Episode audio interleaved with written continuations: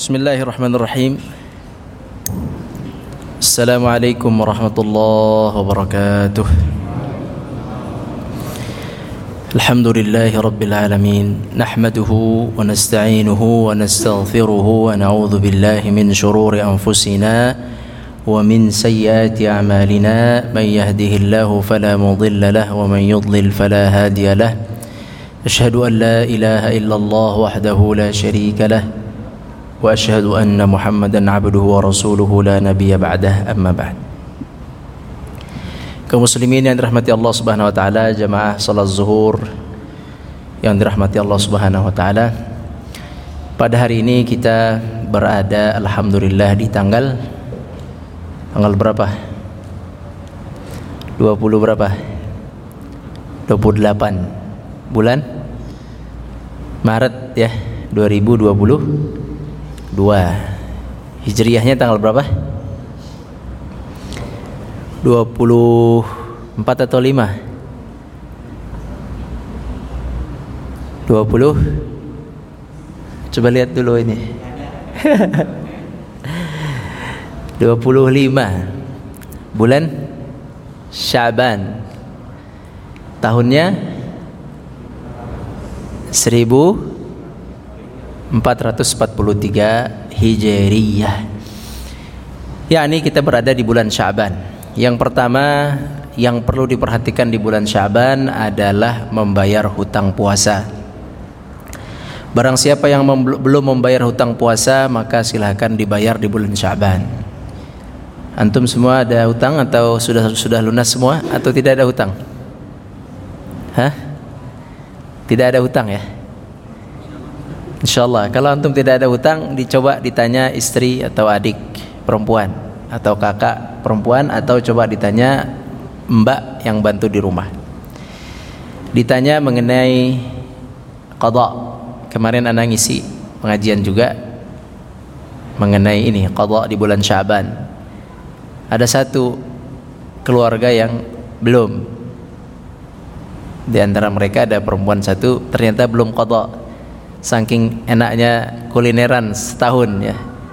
Belum sempat qada nah, udah tinggal berapa hari ini?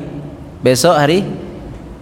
Selasa Rabu Kamis Jumat. Empat hari. Jumat juga itu udah termasuk yang dilarang berpuasa itu. Karena satu hari dua hari menjelang Ramadan tidak dianjurkan puasa. Kecuali selalu puasa Daud. Kalau antum rutin Daud silahkan. Satu hari sebelum Ramadan boleh puasa. Tanggal 29 boleh. Atau tanggal 30 boleh. Syaban. Kalau antum rutin puasa Daud. Kalau tidak tidak boleh. Kalau qada boleh. Kalau qada boleh karena ada keperluan. Jadi kita ada sisa Selasa Rabu Kamis Jumat. Puasa sunnah yang yakni puasa Syaban eh, yakni qada bagi yang belum mengqada itu yang pertama. Silakan dilihat mengqada yang kedua di bulan Syaban ini tinggal sedikit waktu kita yaitu silahkan dilihat mayit apabila ada keluarga kita yang meninggal sejak dari Syawal yang lalu sampai detik ini rentang 11 bulan yang silam mereka meninggal maka diperhatikan apakah mereka ada hutang puasa atau tidak. Apakah mereka ada hutang fidyah atau tidak. Jadi ada yang keluarganya meninggal di sini coba dicek keluarga dekat ya, ya abang, ya adik, ya suami, ya istri, ya ayah, ya ibu yang dapat kita jangkau dan kita tanya. Kalau orang lain tidak perlu. Mereka kerabat-kerabat itu yang meninggal kita lihat kita lihat seandainya ada hutang puasa maka wajib dibayar hutang puasanya oleh keluarganya. Berdasarkan hadis Aisyah radhiyallahu anha, Nabi wasallam bersabda, "Man mata wa alaihi sama anhu waliyuhu. Barang siapa yang meninggal kemudian memiliki tanggungan puasa maka digantikan puasanya oleh walinya. Wali yakni kerabatnya. Abangnya adiknya suaminya istrinya anaknya ayahnya ibunya. Itu kerabatnya. Diganti oleh mereka. Dan ini berlaku hanya untuk puah puasa. Tidak berlaku untuk yang lain. Puasa berlaku haji berlaku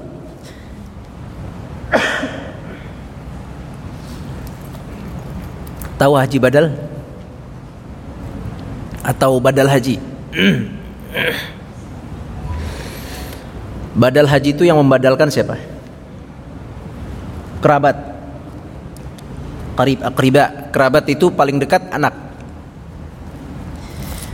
Maka yang pertama yang harus membayar hutang atau nazar atau niat haji bapaknya adalah anaknya.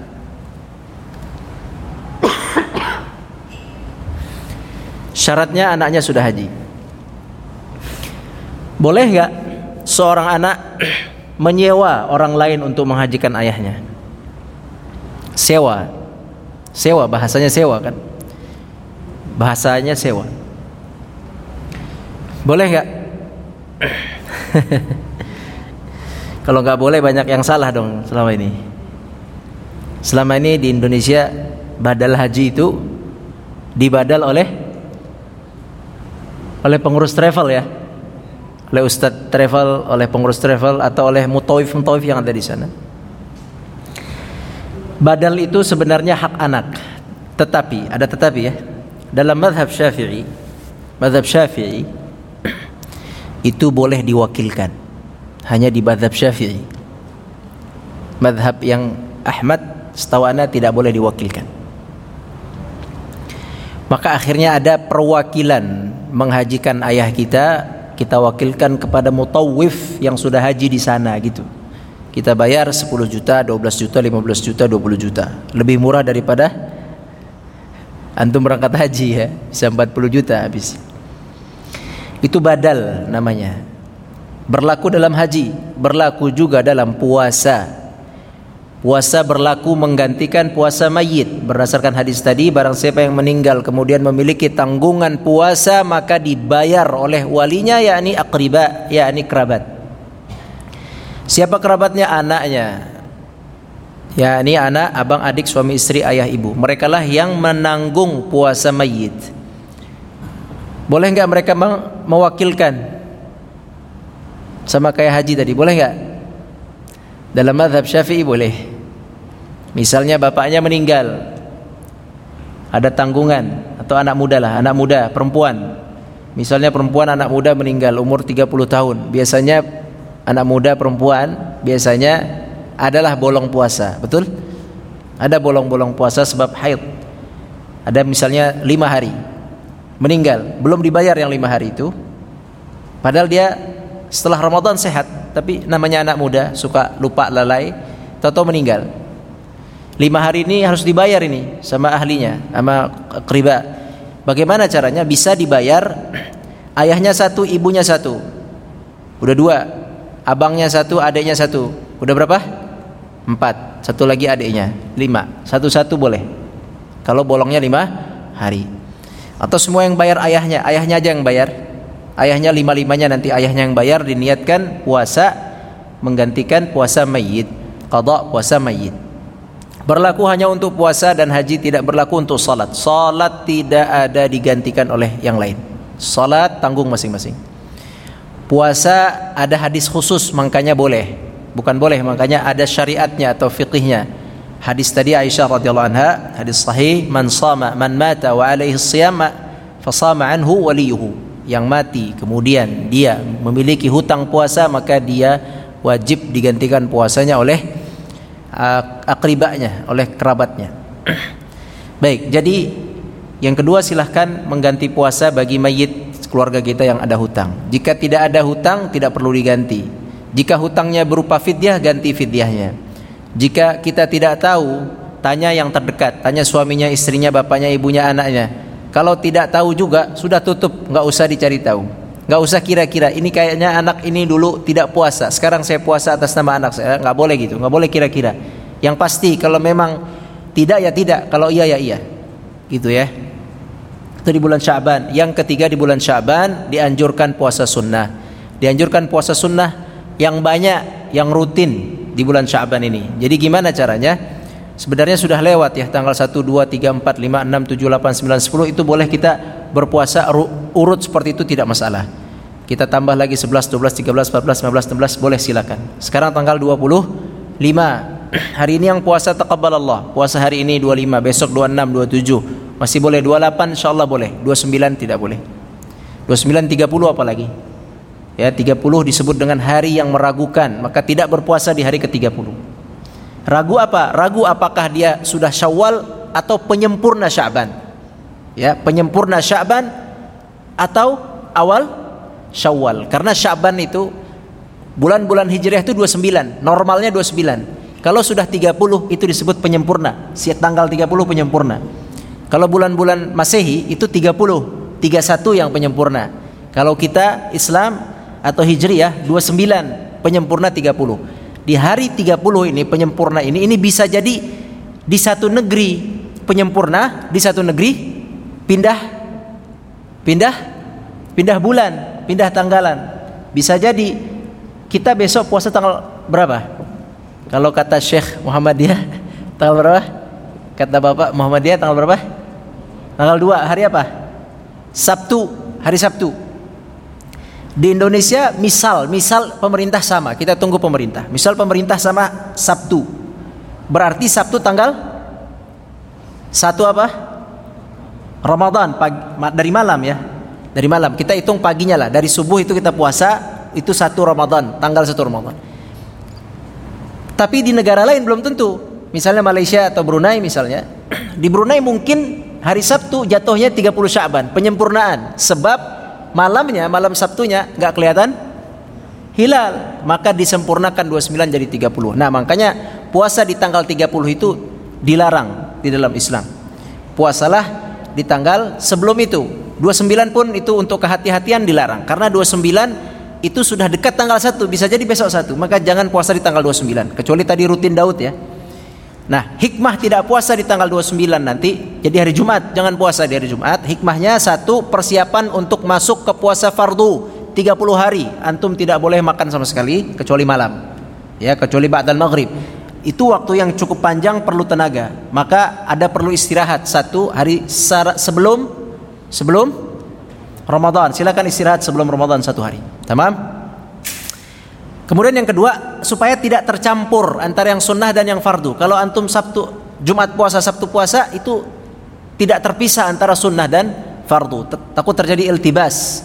Iltibas itu kerancuan. Maka dipisah, dijedah. Yang sunnah silakan kalau mau sunnah antum sampai hari kah? Kamis silakan yang mau puasa sunnah masih ada kesempatan sampai hari Kamis.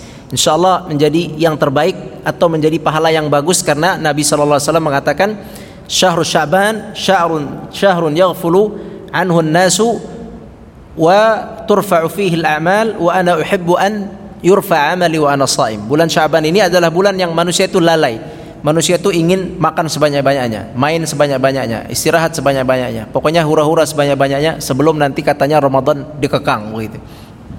Orang begitu mikirnya, ayo sebelum Ramadan kita A, kita B, kita J. Nanti kalau Ramadan gak bisa apa-apa. Begitu, itu itu yang tidak benar cara berpikirnya. Jadi Ramadan, jadi Syaban dipoya-poya. Manusia lalai. Kata Nabi SAW, jangan lalai. Harusnya eh, Syaban banyak beramal. Bersedekah silahkan, berzakat silahkan dikeluarkan. Ibnu Hajar Al-Asqalani rahimahullah, seorang ulama kita kenal semua, beliau mengatakan, Anna salaf yukhrijuna zakat amwalihim fi Syaban taqwiyatan lil fuqara'i wal, wal masakin fi siyam. Ibnu Hajar Al Asqalani mengatakan bahwa orang-orang muslim salaf dulu, orang-orang saleh, kaum muslimin dulu, sahabat tabi'in mereka mengeluarkan zakat mal di bulan Sya'ban. Anda juga belum. Tapi ini informasi bahwa bulan Sya'ban tidak boleh lalai gitu. Paling tidak antum sudah siap-siap mau zakat. Antum ini para mustahiq atau muzakki ini? Eh? Mau jadi mustahiq atau muzakki? Kalau antum zaki ya coba dihitung-hitung. Dihitung-hitung cari belajar bab zakat. Zakat profesi itu tidak menggugurkan zakat harta. Saya udah zakat profesi, tidak antum belum zakat. Zakat harta itu wajib, tidak gugur dengan zakat profesi. Ya, nantilah kapan-kapan antum panggil ustaz minta Ustaz Budi itu.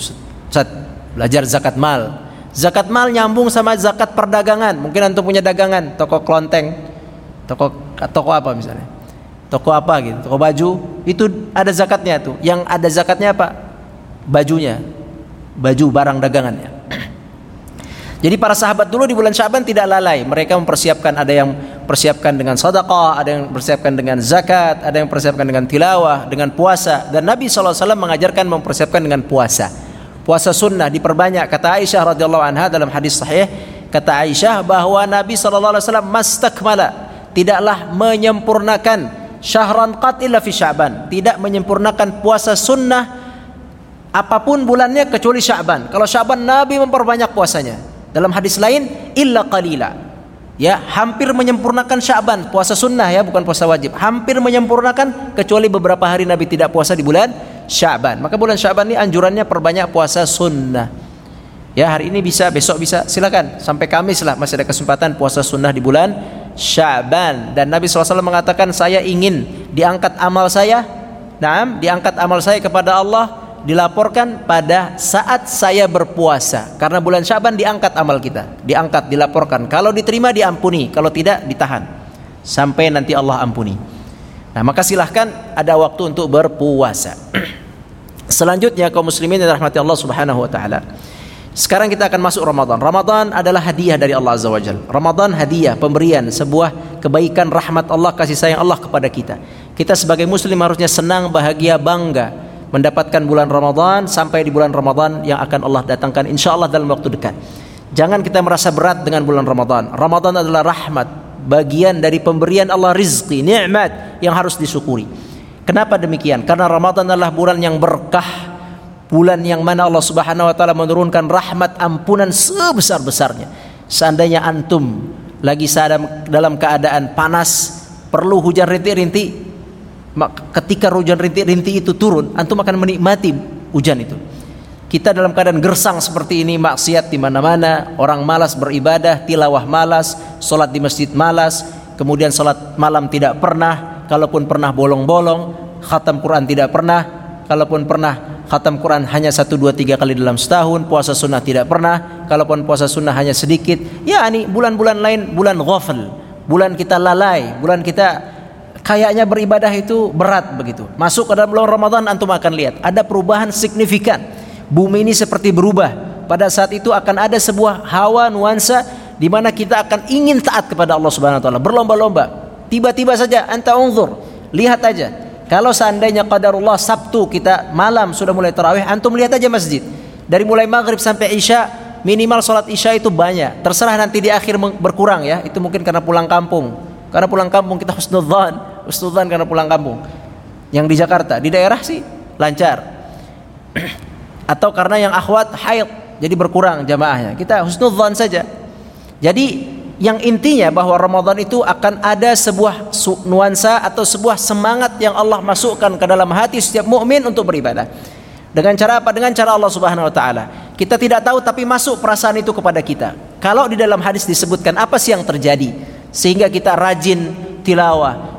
Tiba-tiba orang-orang kaya mengeluarkan zakatnya. Ketika ketika itu orang-orang kaya mengeluarkan sedekahnya. Uang yang tadinya ada 100 juta dikeluarkan 10 juta ini insyaallah buat Ramadan uang yang ada sejuta ini 200 ribu insya Allah buat Ramadan. Ya orang yang tadinya tidak baca Quran insya Allah ini siap satu hari satu juz yang tidak pernah hadir kajian zuhur nih sesepi ini. Ngapain yang lain makan? Makan siang halal halal silahkan tafadhal. Mau makan siang sah? Yang satu mau istirahat halal tafadhal. Besok mau makan siang? Ya mungkin. Besok kalau taklim ada zuhur seperti ini paling pada tidur tiduran di sini sambil dengerin ceramah. Boleh boleh. Dapat pahala dapat pahala Jangankan yang tidur, yang duduk di, di luar aja dapat pahala ada hadisnya. Ya malaikat melaporkan ya Allah fulan fulan fulan hadir, fulan fulan fulan fulan fulan hadir. Disebut nama antum satu-satu di hadapan Allah. Kemudian ditanya mereka mau apa? Mereka mau surga.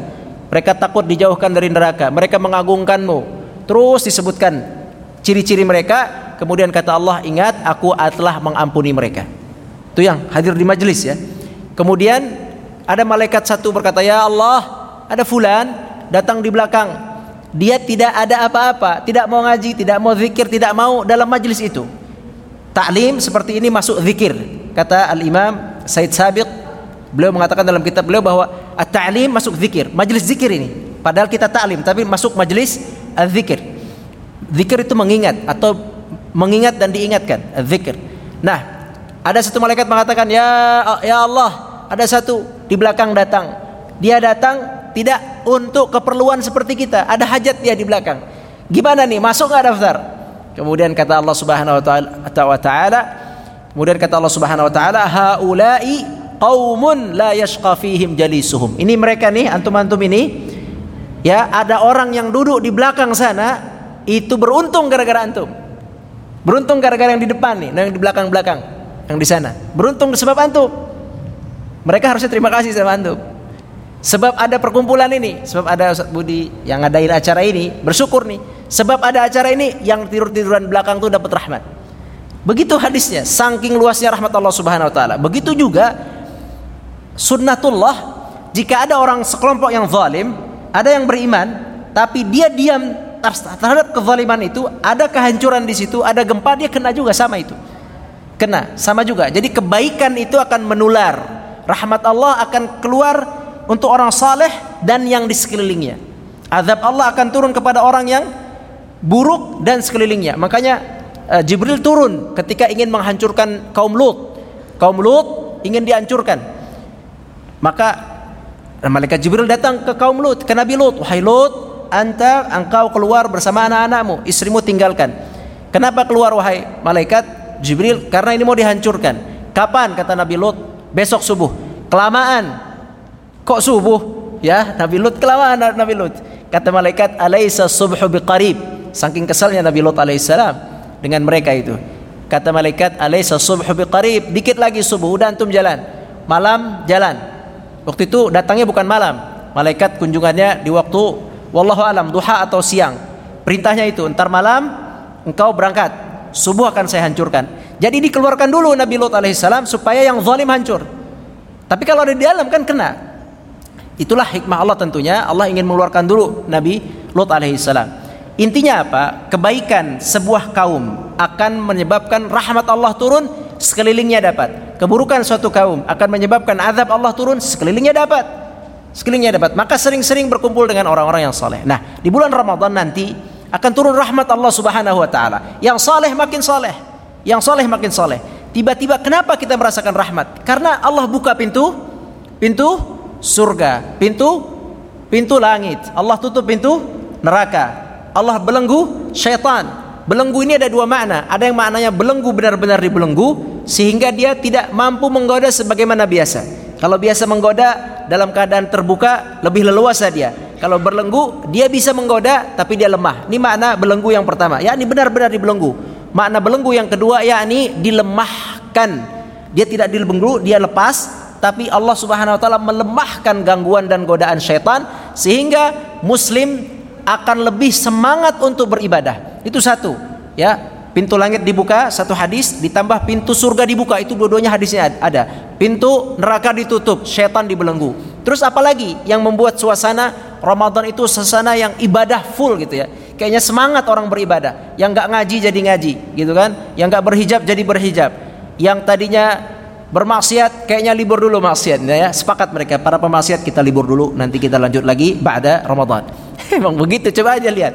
Mereka ada sepakat itu ijtima ijtima para usat para pemaksiat untuk berhenti dulu ya. Takut takut takut nanti dimarahi umat Islam. Ya khaf ya khaf. Takut dia.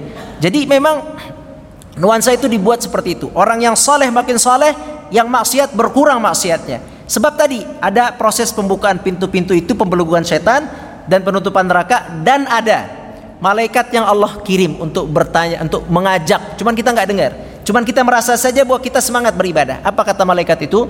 Ya baghil khair. Wahai orang-orang yang suka salat di masjid. Wahai orang-orang yang suka tilawah Al-Quran. Wahai orang-orang yang suka sedekah. Aqbil. Aqbil. Ayo ke masjid lagi lebih banyak.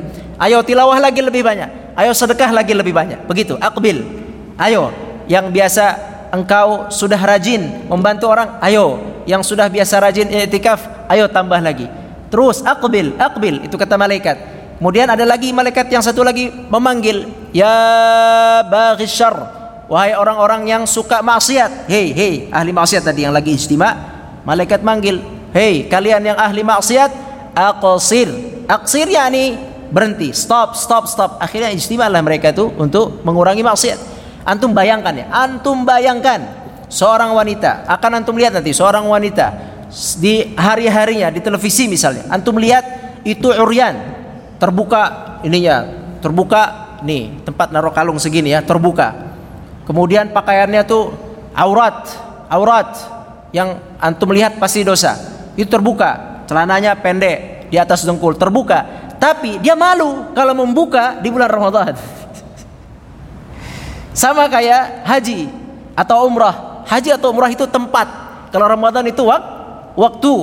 Waktu Ramadan menyebabkan manusia ingin berbuat baik. Tempat Masjidil Haram membuat manusia ingin berbuat baik. Yang tadinya aurat terbuka, dia tutup kalau masuk Masjidil Haram. Eh, mau masuk Masjidil Haram pakai baju kayak gitu. Hah? Bisa dimarahin sama askar itu. Askar Arab galak-galak ini. Ya. Bahaya gitu ya nggak bisa. Jadi tempat itu menjadikan kita semangat atau termotivasi terdorong dengan orang-orang soleh di situ akhirnya baik di Masjidil Haram. Sholatnya di mana? Di masjid. Iya kan? Kalau antum haji sholat di masjid. Pokoknya baiklah insya Allah di sana. Nah sekarang Ramadan itu waktu. Kalau Masjidil Haram Masjid Nabawi tempat. Artinya tidak semua bisa ke sana. Tapi kalau Ramadan itu adalah waktu di mana kita diberikan sebuah kesempatan untuk taat kepada Allah.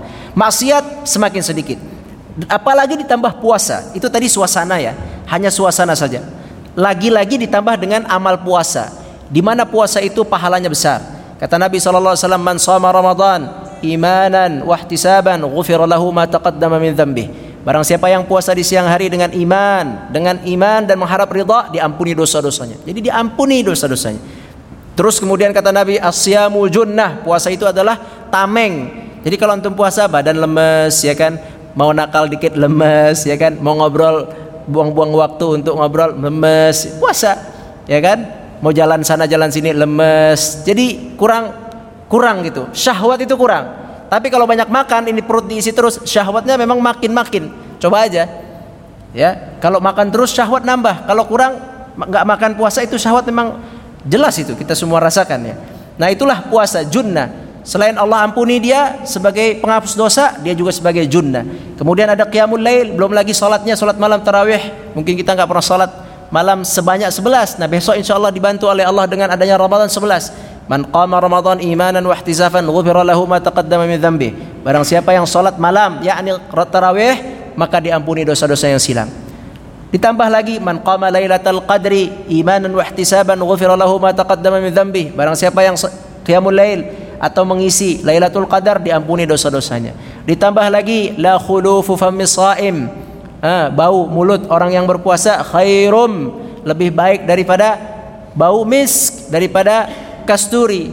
Ya ini bau-bau tapi baik gitu. Lebih baik pahalanya. Ya ini pahala berlipat. Pahala berlipat. Orang yang tilawah saat Quran besok, antum tilawah atau salat fardulah, antum salat zuhur besok hari puasa itu. Itu beda dengan orang yang salat zuhur tidak puasa antum dari jam 5 sampai jam 6 itu terhitung puasa. Puasa itu ibadah. Jadi antum terhitung lagi jalan antum sedang beribadah, bukan jalan yang ibadah. Tapi antum adalah seorang pengibadah yang sedang berjalan.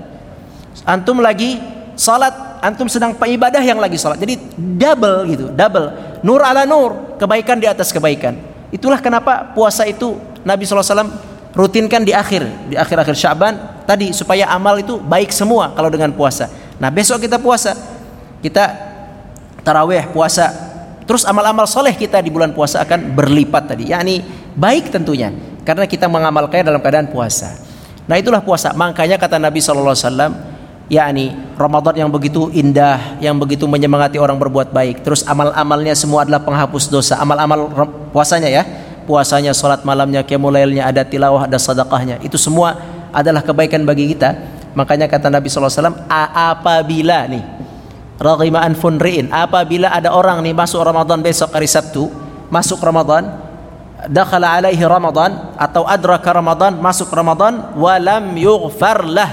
Terus dia keluar dari Ramadan 30 Ramadan atau tanggal 1 Syawal belum diampuni atau tidak dapat ampunan, maka orang itu merugi, celaka. Kok bisa? Kok bisa di bulan yang begitu mulia orang semua semangat tiba-tiba dia tidak tidak tidak dapat ampunan? Ngapain aja? Berarti dia nggak puasa.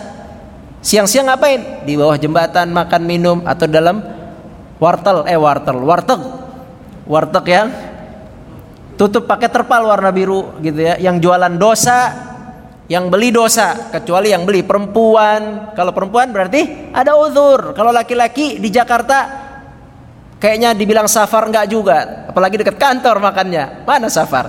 Kalau di daerah-daerah perjalanan besar itu highway ada restoran terbuka mungkin musafir gak apa-apa. Tapi kalau di samping kantor-kantor besok nih di, di tengah kota Jakarta ada restoran terbuka siang ada yang makan ada yang jual dosa ta'awun dalam maksiat yang makan juga dosa. Terus begitu malamnya tidak melakukan apa-apa tidak ibadah. Ini gimana? Maka dia tidak dapat ampunan maka kata Nabi SAW dia adalah celaka. Oleh itu kaum muslimin dan rahmat Allah SWT itu saja kurang lebih. Anda ingin sampaikan bahwa bulan Ramadan sekali lagi adalah hadiah untuk kita. Hadiah untuk antum orang-orang yang saleh yang suka dengan ibadah. Dibantu oleh Allah untuk semakin taat di bulan Ramadan. Siapkan sisihkan uang untuk sedekah. Siapkan tenaga. Siapkan tilawah. Silakan antum mulai tilawah. Coba tilawah dari sekarang. Jangan sampai tidak khatam. Khatamlah dalam Al-Qur'an ini adalah bulan Ramadan setelah khatam berdoa. Dalilnya banyak tentang sunnahnya atau anjuran berdoa setelah khatmul Quran dari Al-Fatihah sampai An-Nas antum doa. Berdasarkan hadis atau riwayat dari Anas ibnu Malik kemudian juga dari sahabat ibnu Abbas juga seorang tabi'in namanya Mujahid. Mereka ini yang mengajarkan bagaimana ba'da khatmul Quran doa berdoa. Ba'da khatmul berdoa. Nah supaya antum khatam baca. Anda boleh nggak baca dari sekarang? Boleh nggak boleh nggak boleh karena baca Quran itu tidak seperti sholat lima waktu ada waktunya baca Quran bebas boleh, Anda sudah tanya ke yang lebih ahli di atas Anda, Anda tanya, Syekh, tempat Anda konsultasi, Syekh, boleh nggak nih? Kita mau khatam Ramadan mulai dari Syaban. Nggak ada masalah di sini. Khatmul Quran yang penting di Ramadan sunnah. Tahu nggak antum? Ada seorang sahabat namanya Abdullah bin Amr. Abdullah bin Amr ditanya oleh Nabi, "Hei Abdullah, kamu tiap hari khatam?" "Iya ya Rasulullah." Sampai itu pengantin baru Abdullah bin Amr, udah beberapa bulan. Istrinya ditanya sama bapaknya, mertuanya, bapaknya Abdullah bin Amr Al-As, Nama bapaknya Amr bin As. Wahai ponakan saya, gimana Abdullah? Baik, baik, baik, baik. Tapi saya nggak pernah disentuh. Udah berbulan-bulan nggak pernah disentuh. Karena setiap malam apa? Tilawah Quran, khatam Quran. Dipanggil sama Nabi. Abdullah, benar. Ente nikah. Pengantin baru sampai sekarang belum pernah nyentuh istri. Iya ya Rasulullah. Ngapain ente? Saya siang puasa, malam tilawah Quran. Sunnah loh itu. Satu satu malam khatam dia. Ini bukan yang nggak mungkin, mungkin sehari lah maksudnya. Khatam beliau sehari khatam. Kemarin ada santri duduk dari subuh sampai isya dengan istirahat beberapa waktu salat itu 20 juz. Itu santri aja, santri. Ya, santri. Apalagi sahabat. Ya, apalagi sahabat. Nah, ini satu malam full khatam. Semalam khatam. Nabi mengatakan, "Jangan terlalu cepat kau khatam satu hari. Kamu tidak akan kuat istiqamah. Mungkin kuat masih umur muda, tapi untuk ke depan gak akan kuat. Terus gimana ya Rasulullah? silakan khatam per 40 hari. Kalau 40 hari khatam, berarti setahun antum khatam berapa? Berapa kali ya? Ada 40 kali 10 400. Berarti 9 kali harusnya setahun, gitu kan? Nabi kasih waktu 40 hari. Ah, saya bisa lebih kuat ya Rasulullah. Kemudian kata Rasulullah, baik sebulan sekali per 30 hari. Berarti setahun 12 kali harusnya normalnya. Kalau anjurannya begitu. Kemudian Kata Abdullah bin Amr bin As, saya kuat dari itu. Baik, kalau kuat dari itu, kamu silahkan khatam 20 hari. Kalau 20 hari, berarti dia mungkin khatam sekitar 15 kali sampai mungkin ya sekitar 15 atau 18 kali per per per tahun. Kata Abdullah, saya kuat, lebih kuat dari itu. Kemudian kata Nabi, tadi 20 suruh turun 15 hari. 15 hari khatam. Saya kuat dari itu. Kata Nabi, baik 10 hari khatam. Kalau 10 hari sebulan berarti tiga kali, setahun 36 kali. Kemudian kata Nabi, kata Abdullah, saya kuat dari itu. Kemudian kata Nabi, tujuh hari. Kemudian kata Abdullah, saya kuat dari itu. Kemudian kata Nabi, tiga hari. Kata Abdullah, saya kuat dari itu. Kata Nabi, jangan lebih dari tiga hari. Nah kita setahun. Mungkin ada yang udah khatam 3, 4, 5 ada yang satu ada yang belum. Nah besok Ramadan kesempatan untuk khatam. Silakan mulai dari sekarang tidak masalah. Yang yang penting yang penting usahakan di Ramadan khatam. Tamam? Karena kalau di satu Ramadan antum mulai anak nggak yakin.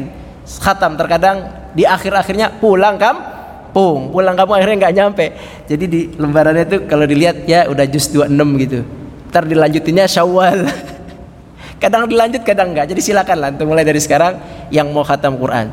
Wallahu alam dari sini eh, sampai sini mudah-mudahan bermanfaat. Yang benar dari Allah, yang salah dari ada dan dari syaitan. Semoga Allah kuatkan kita semua untuk bisa sehatkan bisa sampai kepada Ramadan dan Allah kuatkan kita di bulan Ramadan. Doa begini, ya Allah kuatkan saya puasa di bulan Ramadan siang hari, ibadah di malam hari dan tilawah Al-Qur'an, khatam Al-Qur'an. Insyaallah dimudahkan. Aku qouli hadza wa astaghfirullah li wa lakum. Warahmatullahi wabarakatuh.